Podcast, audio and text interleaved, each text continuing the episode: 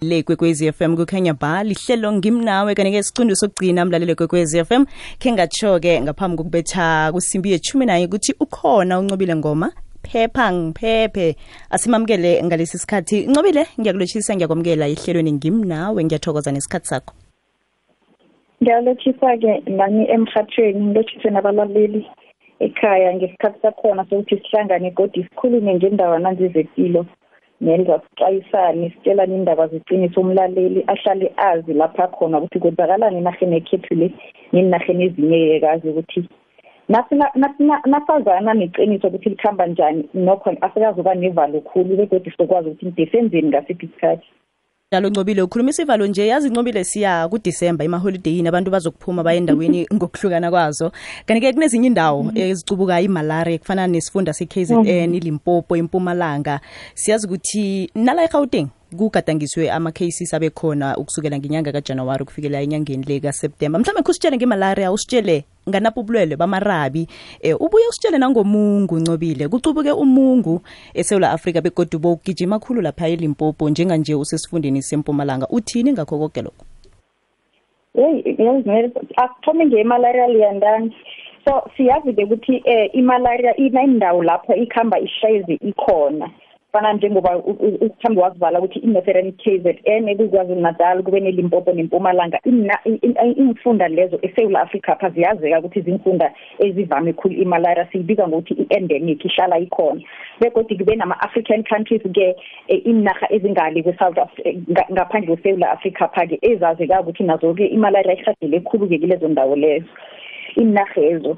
Eh as a result begodi inyangeni ephelako le inarha yeMalawi kube inarha yokuthoma eAfrica pha ikhamba iapprove begodi iphe abantu babo enarheni leyo ke ivaccine noma imijovo yemalaria ukukhandela ukuthi abantu bakhambe ngana kugula kwemalaria kuyasitshengisa ukuthi iAfrica sikhamba sibhekile noma sihlaga kakhulu ngendaba yemalaria begodi iyahlukahluka ngenarha.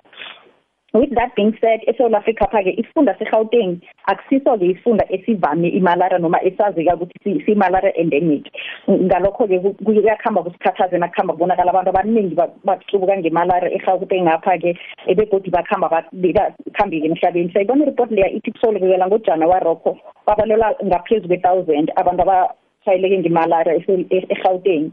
Begodwa abasithile kuphasini babalelwa ukuthi bayakhamba lapha ku-11 begodi imalaria le siyazi ukuthi iyalapheka begodi iyavikeleka iyakhandeleka kunenhlahla ezithathwako. Njengoba utsho ukuthi siya kuma-holiday nje abantu nabazokuhamba baye enarheni ezazeka ukuthi zinemalaria noma imfunda eSouth Africa phake ezazeka ukuthi zihagele imalaria bayakhuthazwa-ke ukuthi abathome-ke ngemtholapilo kubadoktere babo njalo njalo bathole inhlahla ezibakhandela ukuthi babe nemalaria. Begodi nawe-ke nawusenarheni enjalo uyazama-ke ukuthi ufake ama-long sleeve khulukhulu nakuba sebusuku. Kunenhlahla ezinandi zithathwe emzimbeni aba namakereslaya azokuxotsha bonompopoloza cause imalaria le itholakala kuhle kuhle ngabonompopoloza nabagade bakulumile so abantu bayakhuthazeka-ke ukuthi babe inen alert khulukhulu nabakhamba bavakatshela noma kuzimfunda noma iinarha ezikhamba zigcwele imalaria. Izwakala kamnandi nayinjalo. Endabeni yamarabi eh ncobile uthini ngalokho? Begodwa-ke sele uyibalile nemalaria ukuthi sizikhandela njani umbathe inkhipha zomkhono omude ubulwele napho bamarabi nalobu bomungu asithomi ngamarabi le yazi yamarabi ingikhathaza kakhulu mina ngingedwa-ke njengoba sazi ukuthi ubulwele bamarabi bulwele obuhagele khulu bulwele benilwane so buyakuhambe buyizinotic ngezinye izindlwane isikhambe zithi izinotic nawuthi uyawaqala kwehlobo amalwelo athathelanako lama-infectious diseases esikhathini esiningi akuhamba asuke axobuke endlwaneni njengale esiyikhulumisile imalaria ukuthi suke bompopolozini alo-ke amarabi la asukela kuma-domestic animals noma iy'nlwanyana ezifuywayo ezifana nabogwaswana nange nezinja. eSouth Africa phake kuyazeka ukuthi ama-rabies cases amaningi ebantwini vana bangelwe lapha-ke zizinja. So umuntu uphatha amarabi nakagade abe in contact nenja ephethwe marabi mhlawumbe iyamluma umuntu or mhlawumbe khulukhulu abantu abantwana abancane iyadlala dlala ke nabo mhlawumbe ayikamlumi. Kodwana-ke nawune-any opening esikhumbeni sakho nakungenzeka-ke ama-fluids noma amathe wenja leya-ke athintane mhlawumbe unesilonda mhlawumbe unekhathi njalo njalo or kungenzeka-ke kulumile. So esikhathini esiningi abantu abavami ukuthi bayisolele ngobana bangakaboni ukuthi umntwana mhlambe noma umuntu kuthiwa lunywa ekubeni kanti-ke ukudlala dlala nezinjezo noma abokazwana nabo kuyam-expose ke umntwanyana noma umuntu ncobile? ngincncebeze eh, ukungena emlonyeni ne akhe sijike ngentolo sokubuya siragele phambili. Landela ikwekwezi fm enkundleni sokuthintana ukubana ikwazi ikulandele nawe. Twitter at ikwekwezi underscore fm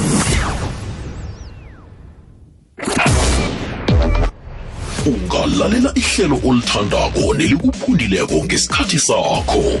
Ngena kubunzinzolwazi bomrhatsho uthi ikwekwecfm co za usume upodcast bese ukhetha ihlelo olifunako.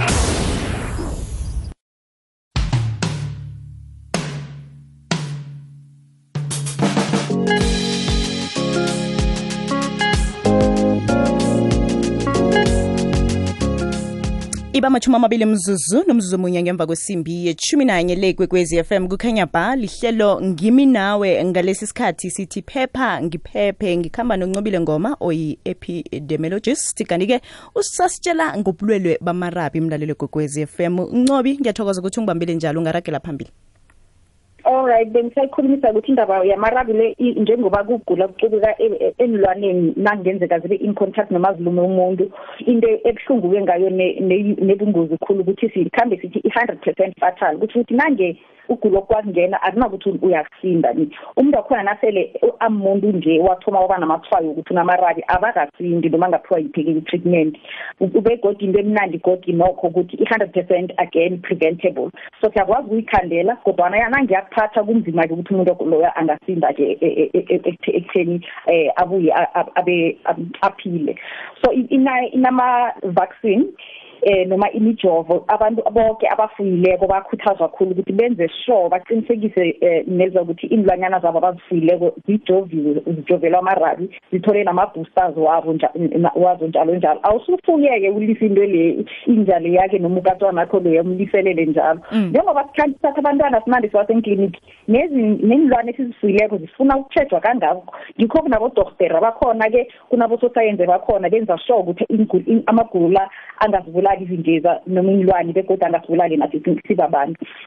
So i- into yokuthoma ukuthi siyikhandela njani ngileyo ukuthi inilwanyana ezinto ezijove begodwa umuntu nange alunywe yinja noma aba- athindene nenja noma isilwanyana leso kungenzeka sinamarabi uyakhandi uyakose aphuthimisele msinyana-ke ke, eh, ekliniki noma eh, esibhedlela ayokha- athole ama-prophylaxis wakhona. Kunama-exposure prophylaxis kunemijovo ethize akuhamba aphiwe zona ukuthi angadevelophi ugula nako wamarabi ngombana once wa- wadevelopha ama-signs and symptoms wakhona awa umuntu wakhona uyakuhamba-ke emhlabeni. Begodwa into ebuhlungu ukuthi abantu abaningi aba- ba- bakhambe izulu zamaphiwo lizobathola nge-postmortem umuntu sekakhambile ukuthi bekakhanjiswe ma- marabi so into efuna siyi- imandi siyikhulumisa sixwayisana ngayo umlaleli azi khulukhulu laba abafuyileko um abalaleli. Bese-ke asicathise indaba ye- yomungu.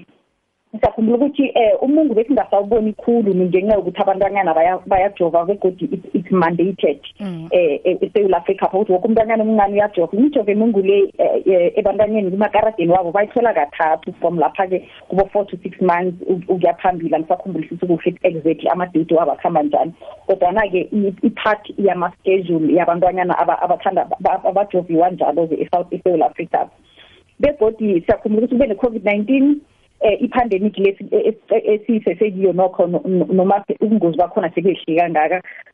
Ngalokho-ke nakumnandi kuba ama-lockdown njalo njalo-ke ah, abantu abaningi azange bakhambe bayiphambili bokuthola imijovo yabo nge- ngendlela e- ekufanele ngakho njalo njalo so ngema- ngesibangeso-ke lapho kube nama-gaps wakhona.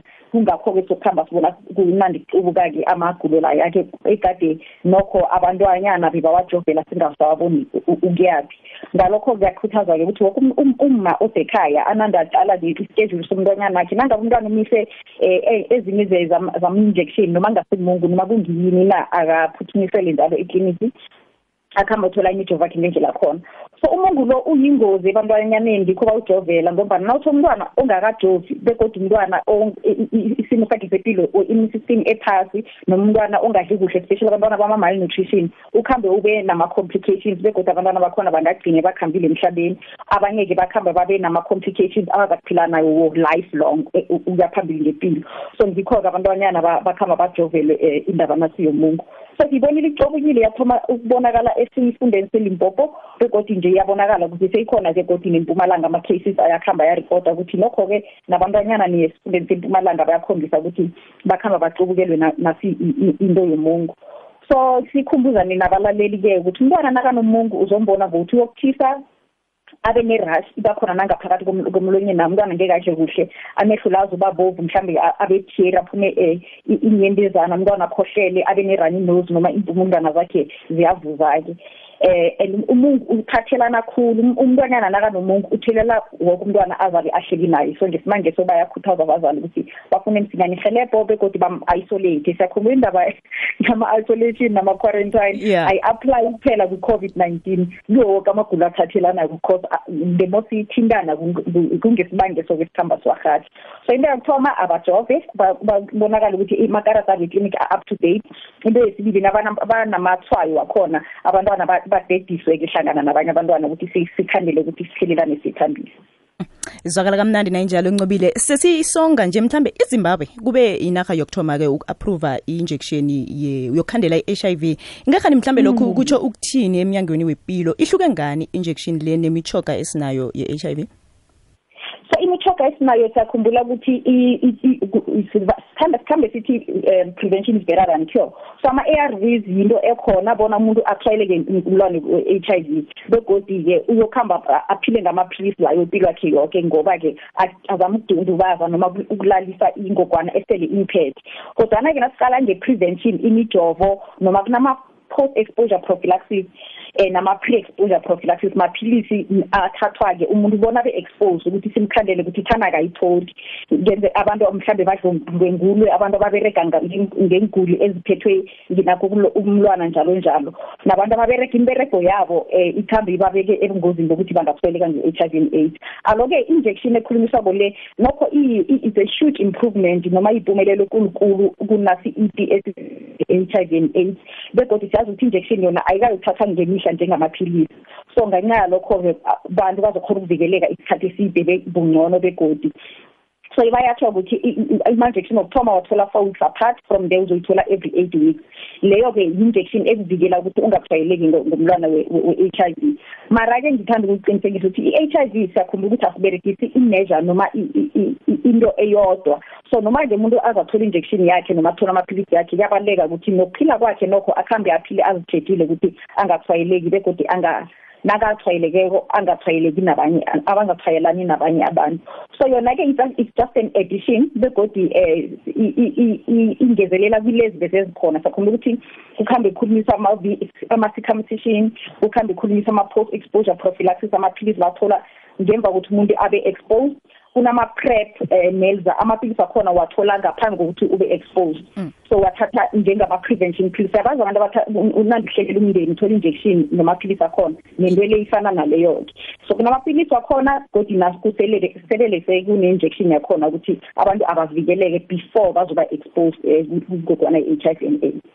So ngiyathemba-ke ukuthi nesewula africa nezinye inarha ngokuhamba kwesikhathi zi-adopte-ke zi-approve begodwa zenze sure ukuthi ba-available. Kodwana yimpumelelo ekulu-ke lesiyibona inarha yezimbabwe nokho inarha yokuthoma ekuhambe phambili yakuhamba yoyi-approva um nasi-injection ye-h i v and aids. Njengoba utsho siyathemba ukuthi nabo bazayi-adopta ncobile sithokoze khulu ngelwazi osilethele lona namhlanje besilihloga ngiyathemba nomlaleli kwekwez f m uzalisebenzisa la kufanele khona. Mhlambe-ke bakuthola phi nabafuna ukukhuluma nawe? Bangithola enkundleni zokuthintana neza ngunqobile wakwangoma. So ngunqobile ngoma vele nq um ngoma from ufacebook page lami bazangilandela lapho bathole khona khulukhulu ilwazi wangithintane nalo njalo njalo. Ncobile sithokoze khulu. Asikhulume godu ngokuzako ube nelangela emnandisi somkhulu.